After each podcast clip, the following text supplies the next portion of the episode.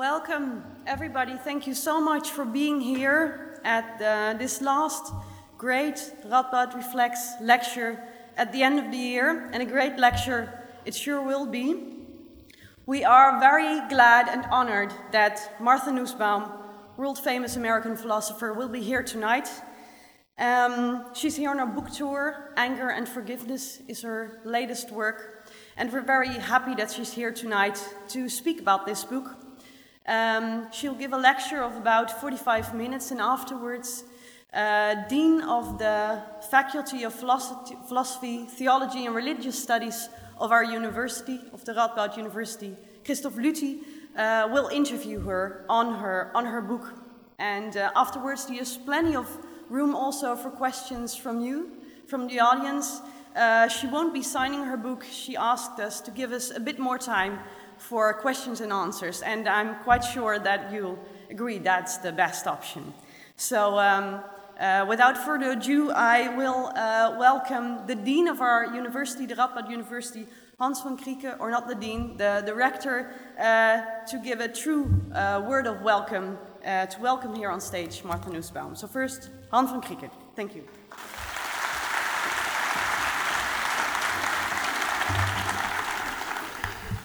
Good evening indeed, and also a warm welcome on my behalf.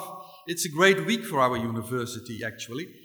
Tomorrow, students from all different faculties of our university will play across the, the Karel Keizerplein, and they will play music of Dvorak, and uh, um, it, it will be a great evening where employees of the hospital, the academic hospital, and the university come together. And Friday they do it again for the personnel of our University of uh, uh, Applied Sciences.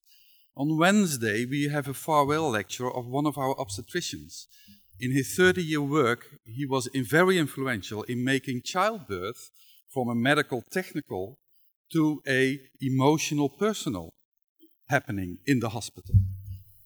And then on Thursday, more than 20 of our staff members, scientists, will sign the books they've written this year and they, these are books on politics, on philosophy, on economics, on personal life, all kinds of things. And on Friday, we expect very interesting work from our cancer researchers, but I cannot disclose that.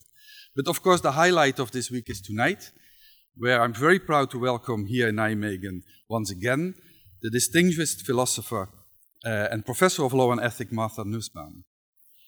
Like many of you, I came to know her at the end of the previous millennium when we had a series of very interesting interviews by Wim Kayzer van, of the VPRO, Van de Schoonheid en de Troost, where Martha Nussbaum was one of the person who was interviewed and explained um, much about her life, uh, her youth.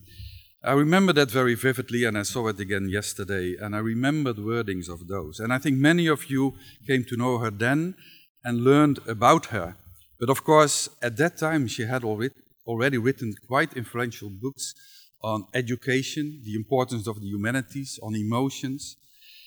But now, tonight, she will discuss her more recent, this year published book, Anger and Forgiveness. Now, when I was in medical school, which was in the 70s of the previous century, uh, anger was seen as one of the most primitive emotions, and the thing you had to do to control this as soon as possible at the young child. And when you failed, patients would become later, uh, uh, persons would become later patients, having maybe asthma or an ulcer, uh, a gastric ulcer. We know now that there are other causes of those diseases, but anger as an emotion remains a very important one, and I'm very curious to hear about the thoughts and ideas Martha Nussbaum has developed over time and will explain to us. And I particularly look forward to her lecture now. So I would like a warm welcome and a big round of applause for Martha Nussbaum.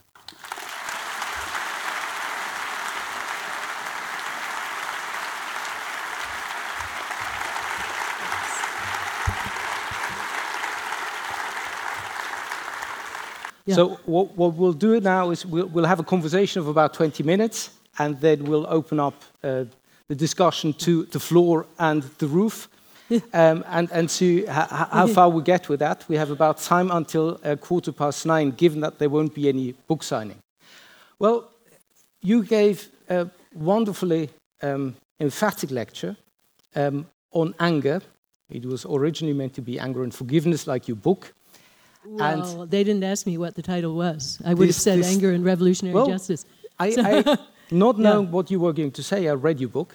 Yeah. And I, it was one, uh, it was a wonderful experience in the sense that you're telling us that neither anger nor forgiveness is what we should strive for.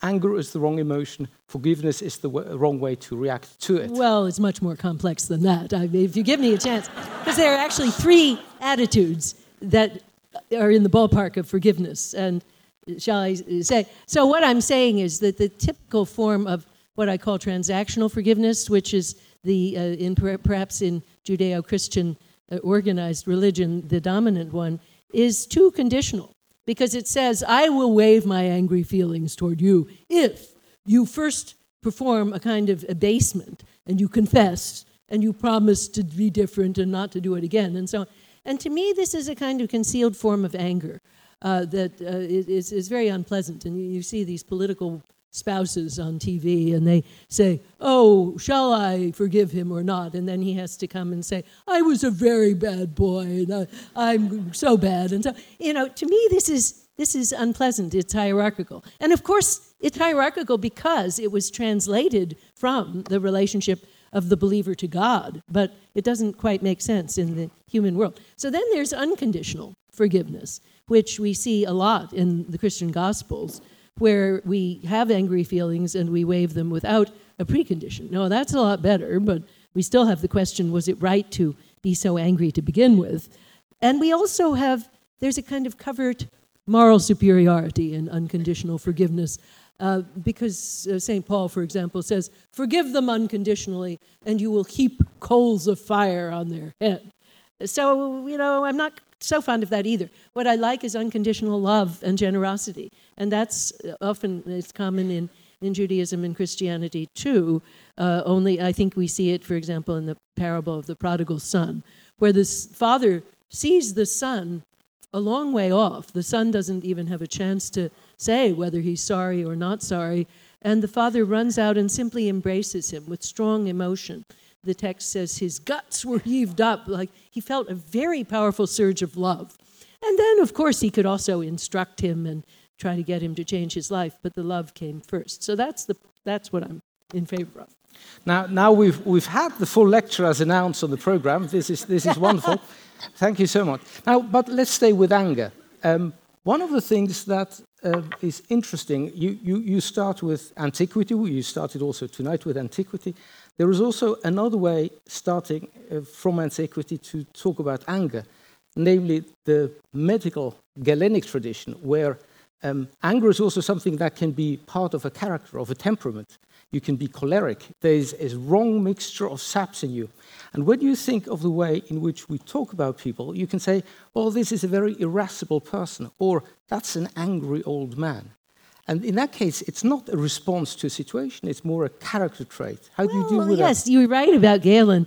But I think Galen was a, a, probably a great biologist and doctor, but a very bad philosopher. He, his criticisms of the Stoic theory of the emotions, according to which emotions embody evaluative thoughts, like what I described, is very, it's very bad because he just pokes fun at it in ways that show that he hasn't actually understood it. So I think to, to give people a free pass because you say, oh, well, they're really choleric people, that is uh, just a way of excusing bad upbringing. We all know very well by now that, especially in America, little boys are encouraged to display anger, little girls are encouraged to restrain it. And so, of course, that would be the way a choleric temperament would be produced by not moderating itself appropriately in, in childhood uh, by having the teacher say, "Oh, isn't that not, uh, no manly or something?" And of course, the paradigm of sports, especially American football, gives you the sense that this is a great way to be. And so people, you know, because society valorizes that, then people get a free pass when they behave so badly. And I think, you know, the truth nature. is that everyone, well, we don't know enough about any kind of innate difference. We know basically nothing about it because culture comes in so early in the way that babies are held and so on. But uh, there's no reason to think that anyone has to act angrily as a standard, stable matter. Mm. Let, let, let, me try to approach anger from yet another angle. Um, you have this wonderful book, which I think you cite somewhere in your own book, uh, by Charles Darwin, 1872, uh, The Expression of Emotions in Man and Animals. And then he says, well, um, in animals we can see six different key emotions, and anger is the first one he mentions. And then he's got these uh, photographs and drawings of an angry cat, an angry dog, and well, we could say he's angry like a dog, mad as a dog. Um, now, wouldn't that mean, at least for Darwin, it meant that anger is something we cannot avoid? It's simply in us. Would you say anger is necessarily part of our nature, but we have to transit quickly? Or is there a way of, that would be more the Stoic oh. attempt, to get rid of anger altogether? Well, I guess I would agree that there's a kind of precondition of anger, a kind of strike back, protect your turf tendency that's probably present in our primate ancestors, although not all of them, not the bonobos, as Frans de Waal has very beautifully shown in all his, his wonderful books. And I know he's here in the Netherlands right at this time. We're he's making the, so he's not in, in, the very room, but he, he is uh, in Utrecht right now, he told me. But anyway, uh, you know, he's shown that even the genetic thing is pretty flimsy because the bonobos, who are as close genetically to us as chimps, don't behave this way at all. But uh, all right, let's grant that there might be some precondition. But you know, we have tendencies to all kinds of things, and it's a question of what work we do on ourselves. And I don't want to call that anger. I think that uh, all the philosophers who write about this, like Rousseau is a good example, agree that anger involves causal thinking. You have to believe that somebody did something to you.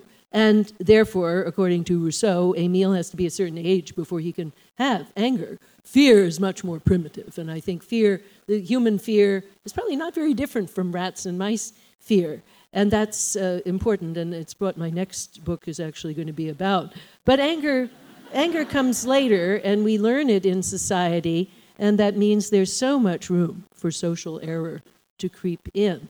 Well, so we should to get rid of the social errors about which wrongs are significant, which ones aren't, and so on. But then we should just think about the futility of payback. And the Greeks and Romans, uh, this wonderful book, which I strongly recommend by the classicist at Columbia, William Harris, called Restraining Rage, they pointed, he, he points out a complete history of anger and thought about anger in the Greco Roman world.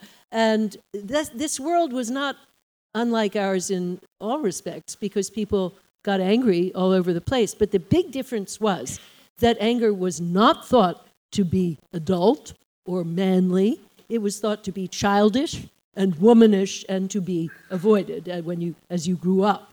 And so you find Cicero writing to his brother Quintus, who's out there being a governor of a province.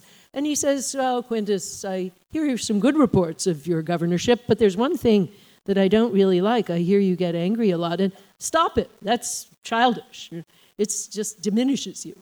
So that was a standard attitude. Some people thought you should eliminate anger completely, like the Stoics, and some people thought you should just moderate it, the way Aristotle thought. But they all agreed that there's much too much of it and that's it's a central social problem. I mean, look at the Iliad. The first word is anger, and then the whole problematic of that work unfolds from that place until we finally get reconciliation at the end. Now, you just mentioned um, anger as opposed to fear. Um, I, I, came across um, a cohort study carried out by American doctors, and they looked at the response to 9 11. And they made a distinction, I don't know whether you can find yourself in it, but they made a distinction between people who um, reacted fearfully, and they seemed to have worked themselves more often into a depression and all kinds of, of um, un, unhappy states, and those who, who, who, who, reacted with anger. And that was, had a, a positive, sort of proactive connotation. Well, the people who said, oh, it's all the fault of the Muslims, I don't see that as particularly positive. Uh, I mean, it, it, so anger can, it depends entirely what you do with it. But look, I think very often when people are afraid, and when they feel helpless, they want to seize control. And anger gives you the illusion that you are seizing control. So it might well be connected with a temporary increase in a feeling of control and well being. But in the long run, I mean, think about it when your mother dies in the hospital. It's so common, certainly in the United States, to think, well, I, I can't grieve. I can't bear to sit there and mourn. I'm going to sue the doctor.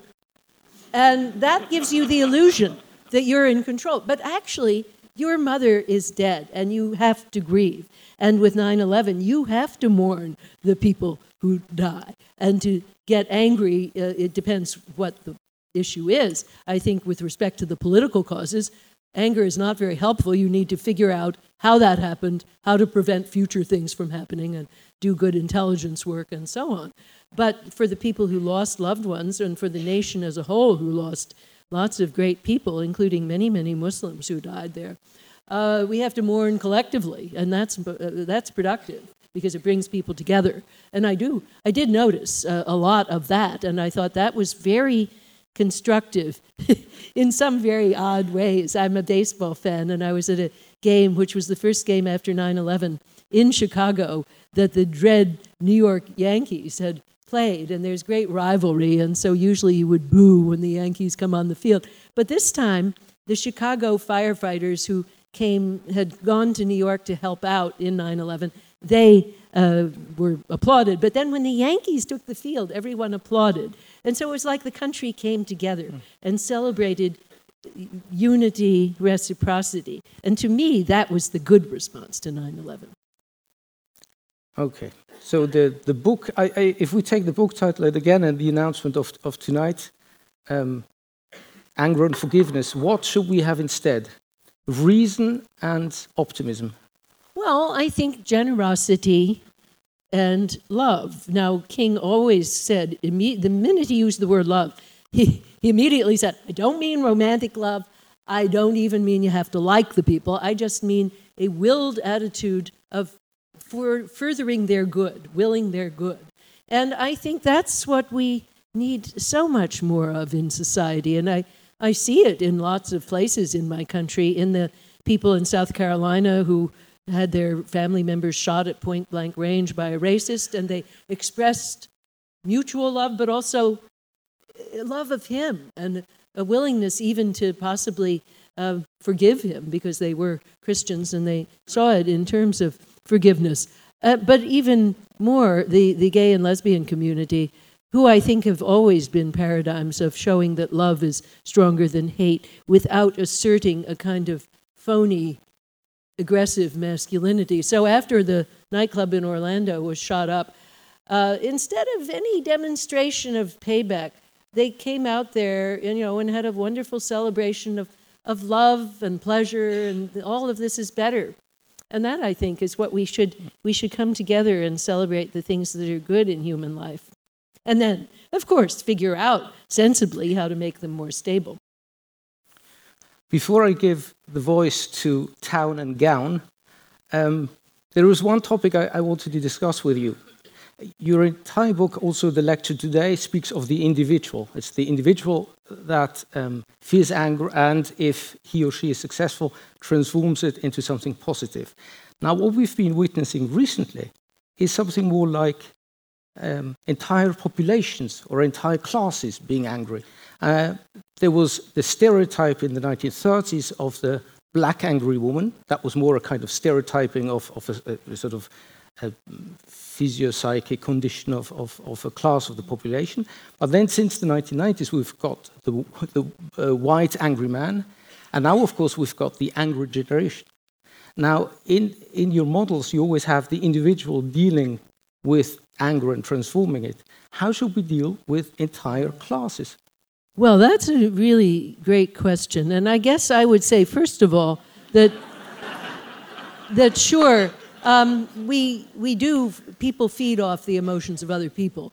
And there's this phenomenon called group polarization that's been much studied, where people who associate with like minded people become more and more extreme in the point of view they associate with. Now, that is very much fostered by the internet because now, instead of reading a newspaper that where you find all sorts of different points of view, you can just single out the viewpoints of the people you already agree with. And I think that that is a particular problem created by the internet, and we have to figure out how to how to deal with that, how to make sure that people get true news instead of fake news, and so on.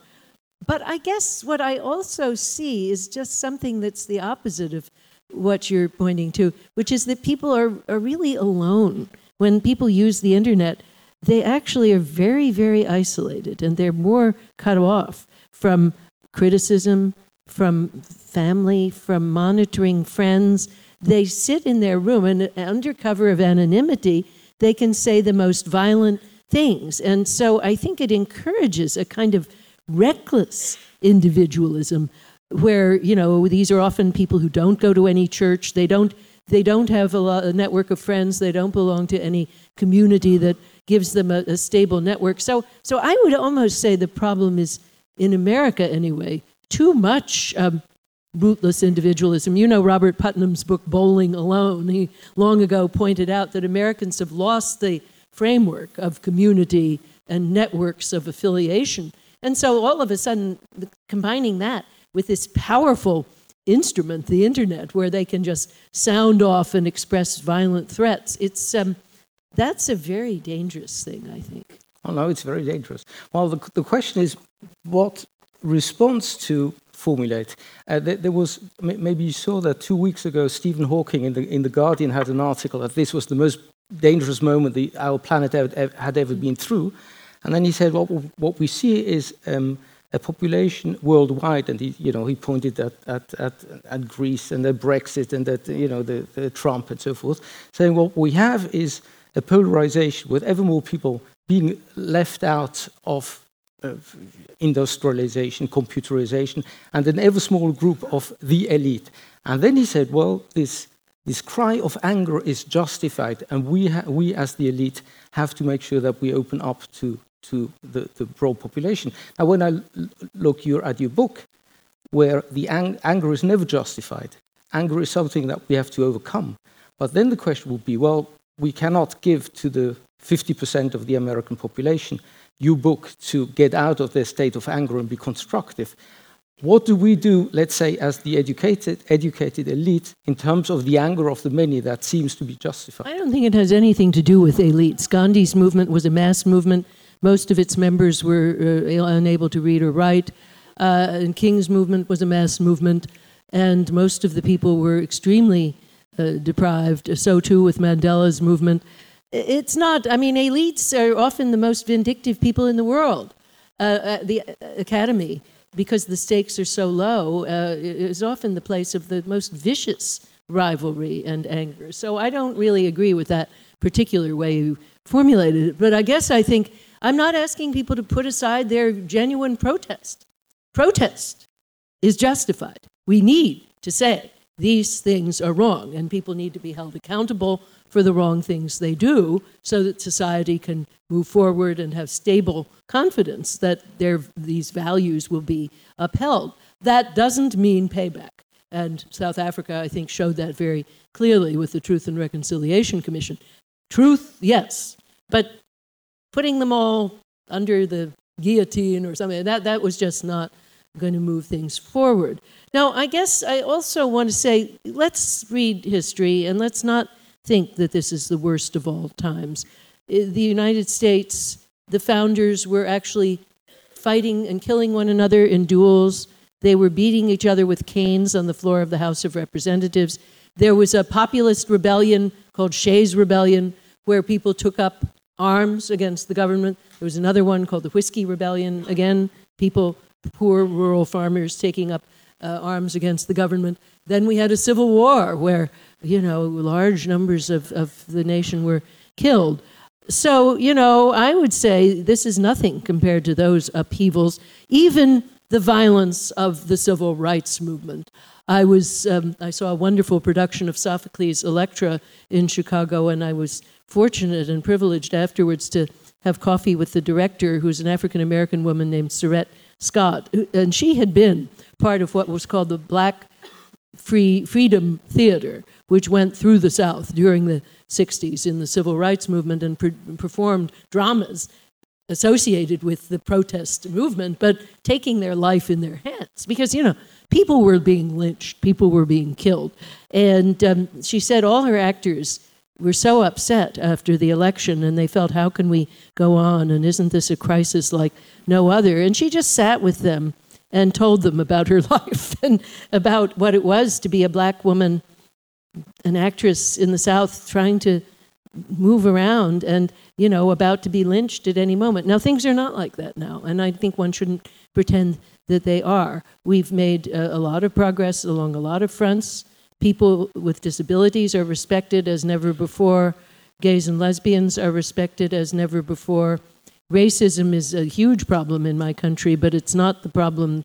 It's not the same problem that it was in the 60s. Uh, there's very there's no lynching, and the law has evolved to be at the back of the protesters rather than hitting them in the face.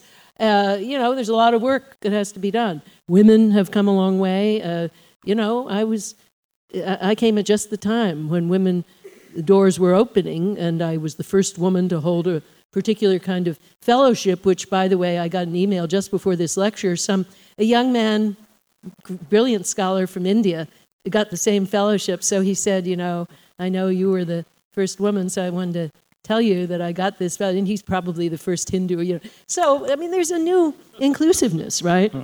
And I think it's great, and I think we should foster it and celebrate it as well as cor- correcting and working very, very uh, sternly and aggressively against the problems that remain. Wonderful. Now that my um, pessimistic um, question has turned into optimism, going through a transitional phase, I think we can open up the um, floor to the public.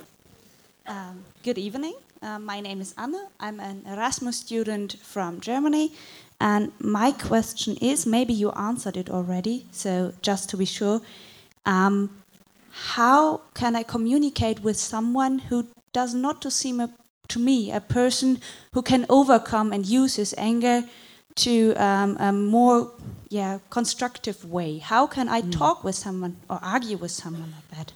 Yeah, well, it's it, it's certainly a, challenge, uh, and and we've probably all all faced that. Um, you know, I mean, in, in my chapter on personal relations, I, I, I talk about this great psychotherapist, Harriet Lerner, who wrote a fine book called The Dance of Anger. And I would say, look at that book, because it does talk about both anger between adult children and their parents, and parents and the children, but also anger in spousal or uh, romantic relationships. And what she says is that the, the trick is to get the both parties to realize that anger doesn't move things forward, that it typically cycles blame round and round. It creates its own routines and its own ritual. Oh, that's what you always do. No, but that's what you always do. And so she felt that what she needed to do was to get them to the point where they would confront what the underlying issue was, and that the anger usually was a way of not facing the underlying issue, such as, let's say, the wife wants to get a job and the husband is scared of that.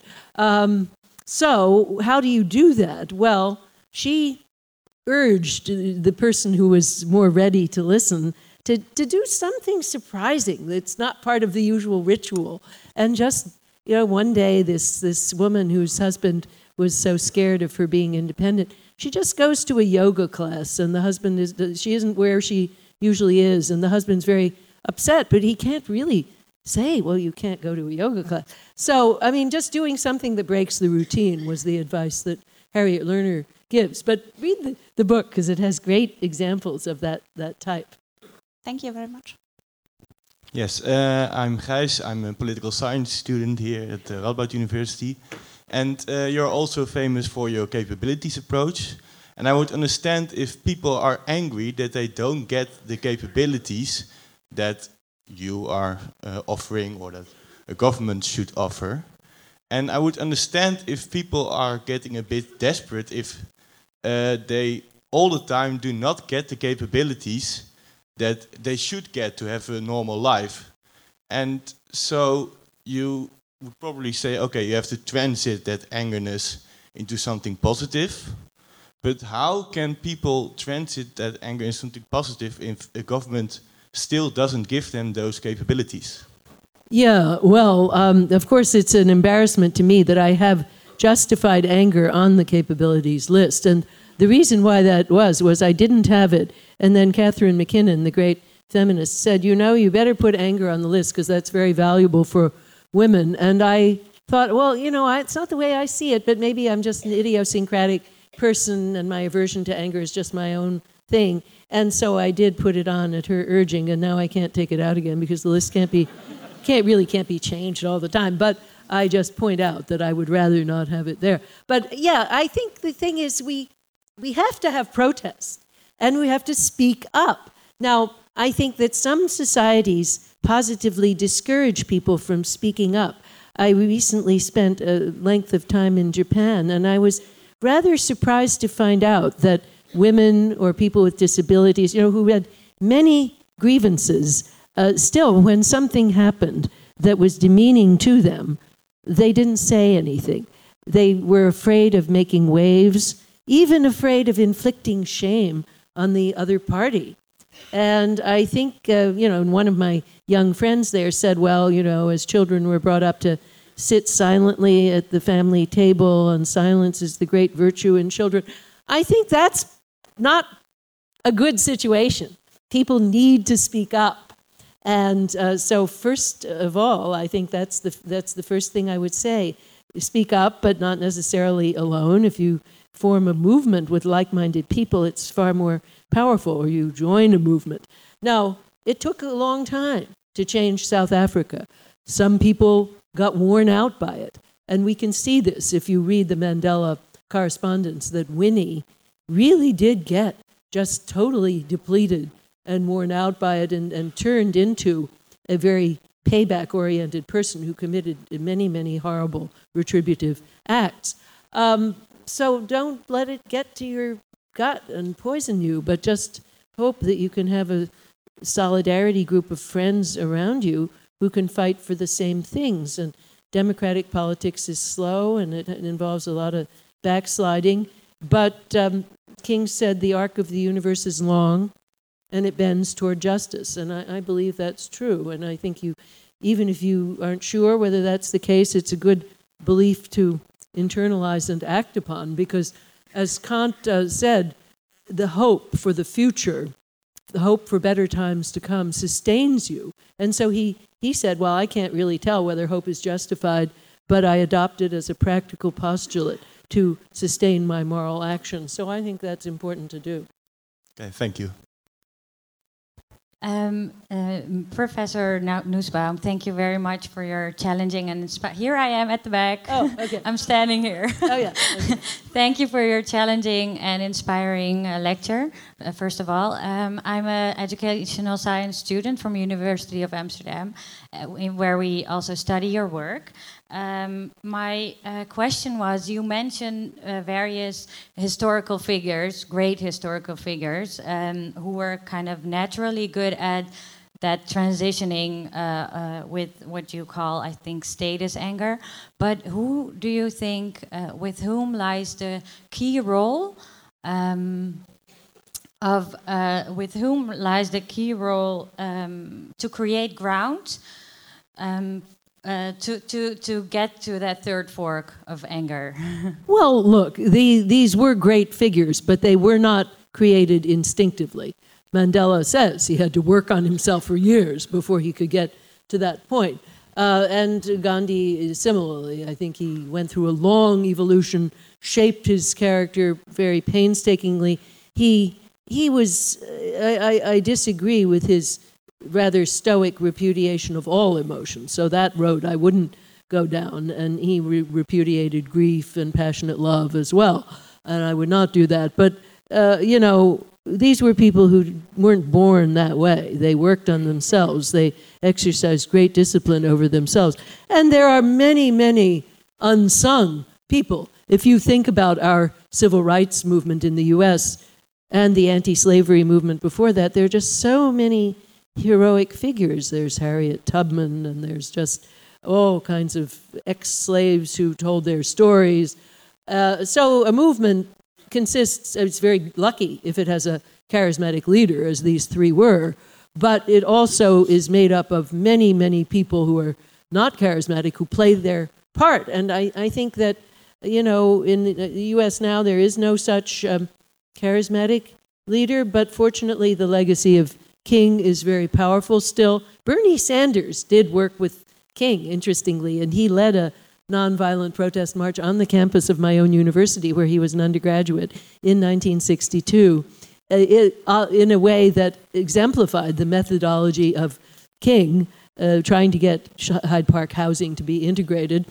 And uh, so, you know, today he is the living descendant of that nonviolent protest movement. There are plenty of others. There are plenty of people in the Black Lives Matter movement. So I think you don't you can keep up the work without having that person there all the time.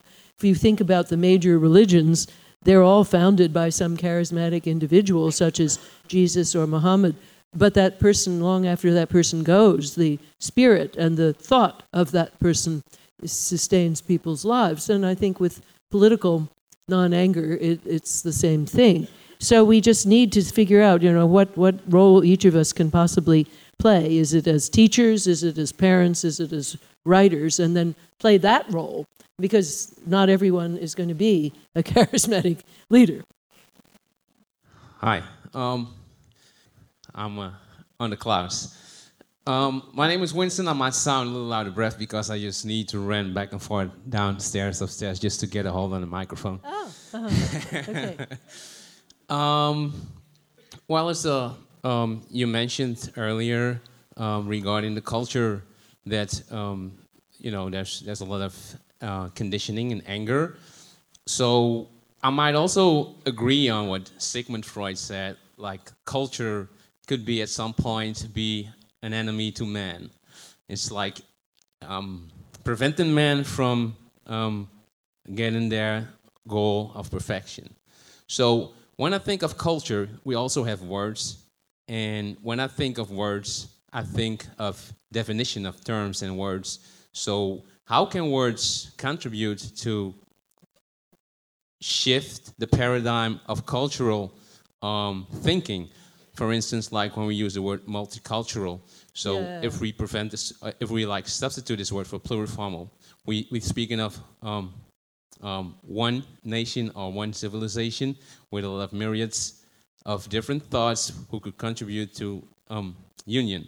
So how do you regard um, um, cultural um, perspectives in the way of using words because words are something that are really helpful to express our thoughts. So yeah, I, I think that? that that is very important.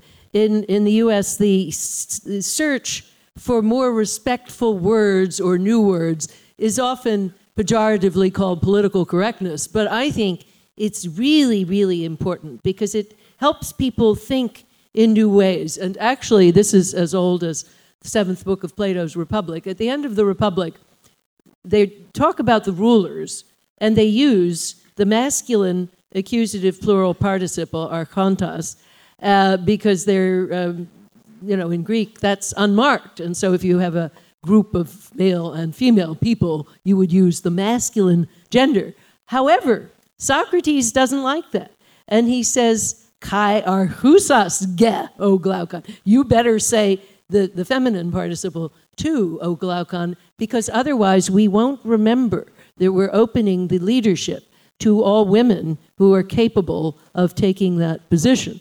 And that is exactly political correctness because it's violating the grammatical rules of the language for the sake of showing people something, reminding them something about the world. Now, long ago, we used to always say he as the unmarked pronoun in English in every scholarly article. And so that was thought to be, oh, that's just grammar. But now, in every philosophy journal, either you have he or she, or you might just use nothing but she uh, just to change people's way of thinking, or sometimes people pluralize everything and write they. But whatever they do, they don't just use he. And it's very interesting that you know, you read even Rawls's theory of justice. It was such a short time ago, and he still uses words like amen and he and so on. And uh, now that just seems uh, really wrong. I used to teach a class the name of which was Ideas of Man and the World in Western Thought. Now, uh, of course, man meant, you know, mensch. It didn't mean um, the male gender. But still, it did make people think this is a history of males. And people did think that way. And uh, people's expectations about who a doctor would be, who a lawyer would be, were shaped by that. So I think that's one very good example about how a shift in language that was demanded by feminists and that was initially ridiculed and pilloried as political correctness has taken hold. And I think it really does change thinking. There's a very good book that I cite in my anger book about how the language used to describe criminals is sometimes very slippery and it conduces to false views of criminals. So if you look up that part of the book, you'll see there's a lot of lot of stuff that we say that's uh, really, really uh, escapes our notice, but gives us wrong suggestions for how people are. So, yeah, we have to be alert to that. And I think linguists have a big part to play in getting a, a just society. And I, I, really do think that scholars who, you know, who observe these things and write articles about them, that, that helps us a lot because language uh, shapes our visions of everyday life and the world. It's also a question of what examples you use. So if you give an example in philosophy, and the example is that of, um, let's say, a political official, it used to be just unproblematic that that official was described as a male. And then the example went on from there. But I think now people think, oh no, you, you shouldn't do that. You should mix it up, and you should make sure that at least some women are introduced in positions of power. My daughter, who's now in her early 40s, she uh, was already brought up on a book called Trudy Teacher, which deliberately had the occupations sprinkled uh, randomly almost between male and female. So there was a female telephone line repair person, and there was, you know, a male nurse, and, and so on. And, and that was really helpful in getting expectations that you could do or be anything. So, yeah, absolutely. Thank you. really appreciate it because words words could press the button of yep. antagonistic behavior, but they also without the key to unity. So thank yep. you very much. Appreciate it. Uh, my name is Micha Ben Michael. I'm from Israel. I studied here many years, and I'm in, uh, something like educational psychologist. Mm -hmm.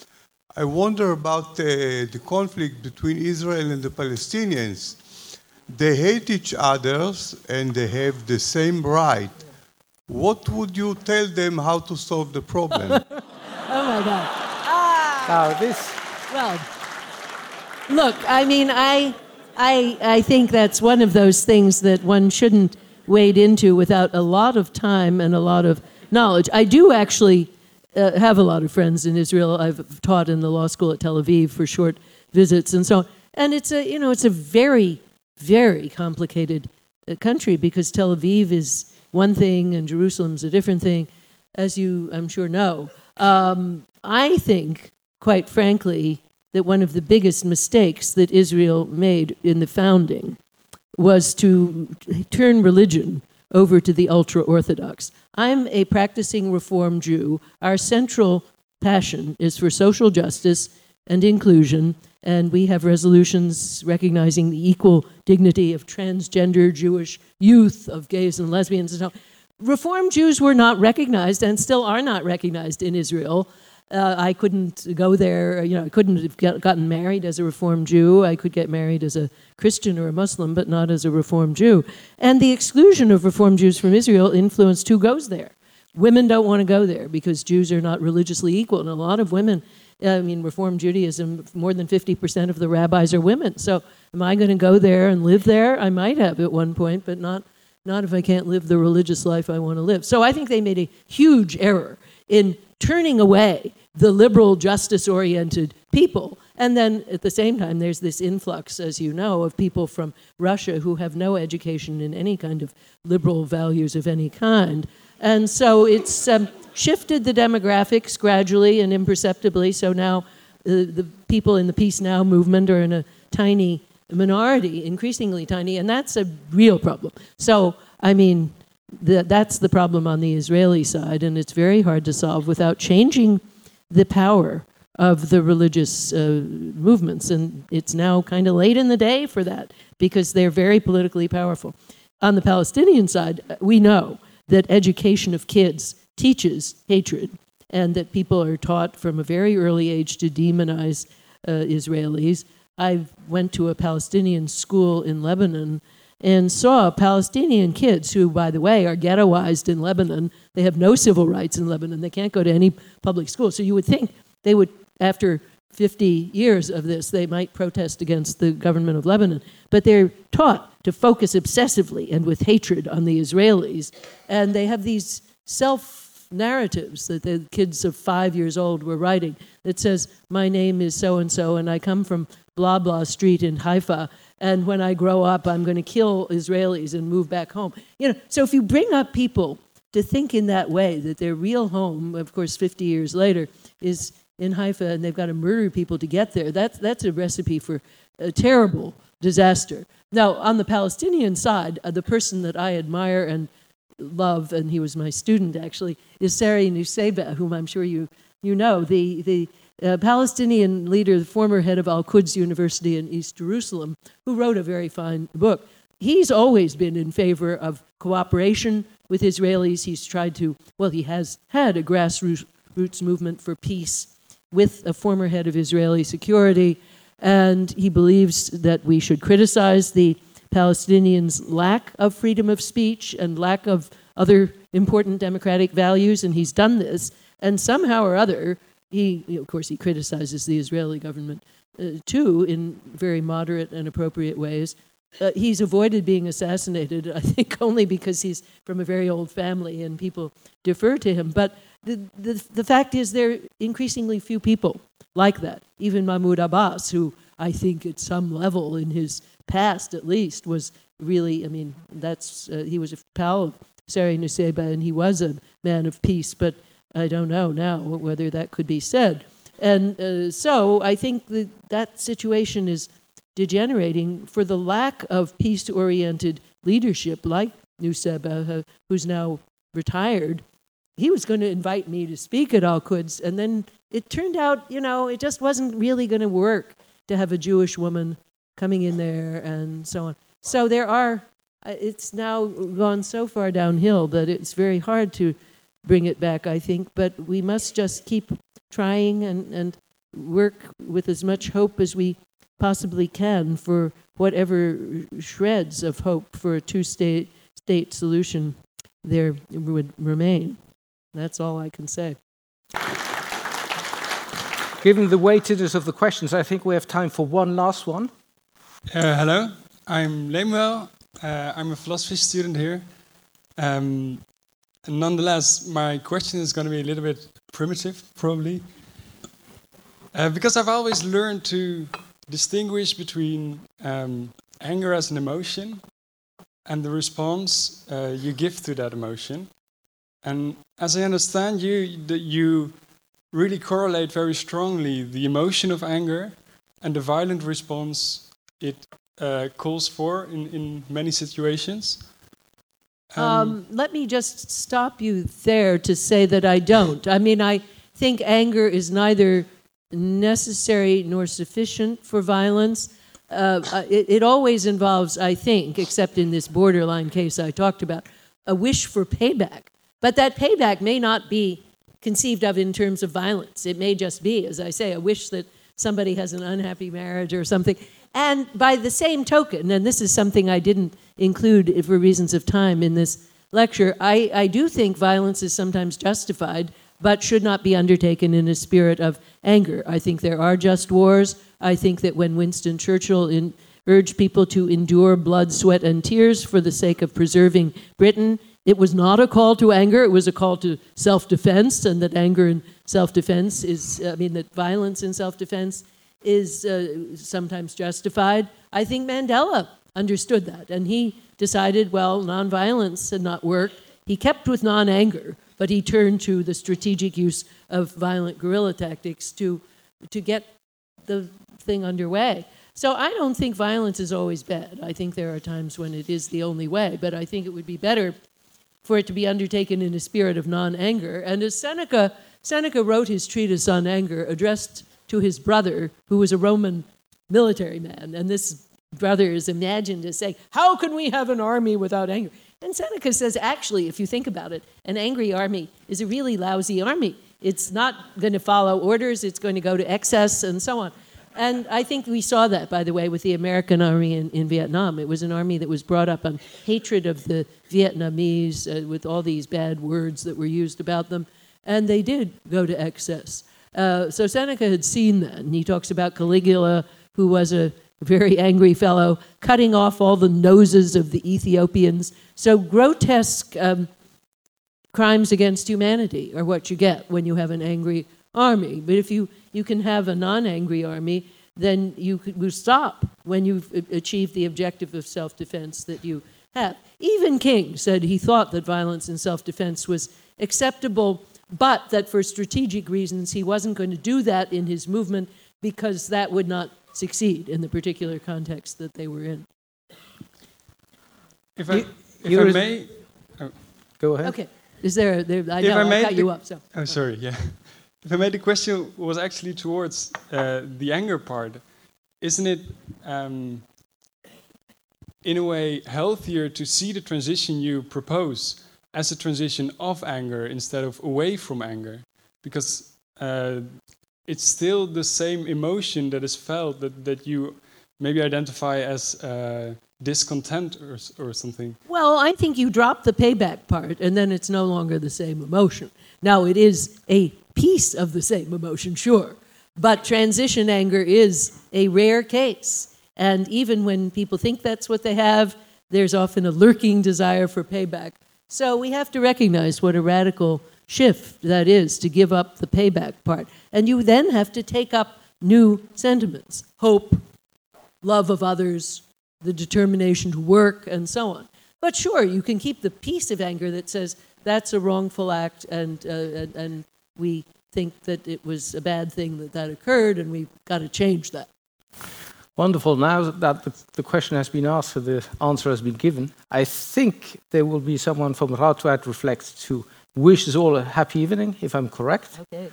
Lisa Dowland, Lisa Douland. Or, Wish for or, happiness. Or I'm all for that. So I'm right here. You're right uh, here. Yes. And um, I will be thanking you so much, Martha Nussbaum, for being here. Uh, I also want to thank Arno Eskens for organizing this tour of the Netherlands. Uh, we've enjoyed having you here. We've enjoyed the interview. Great that you were here. Uh, a round of big applause for Martha Nussbaum. Well, thank you very much.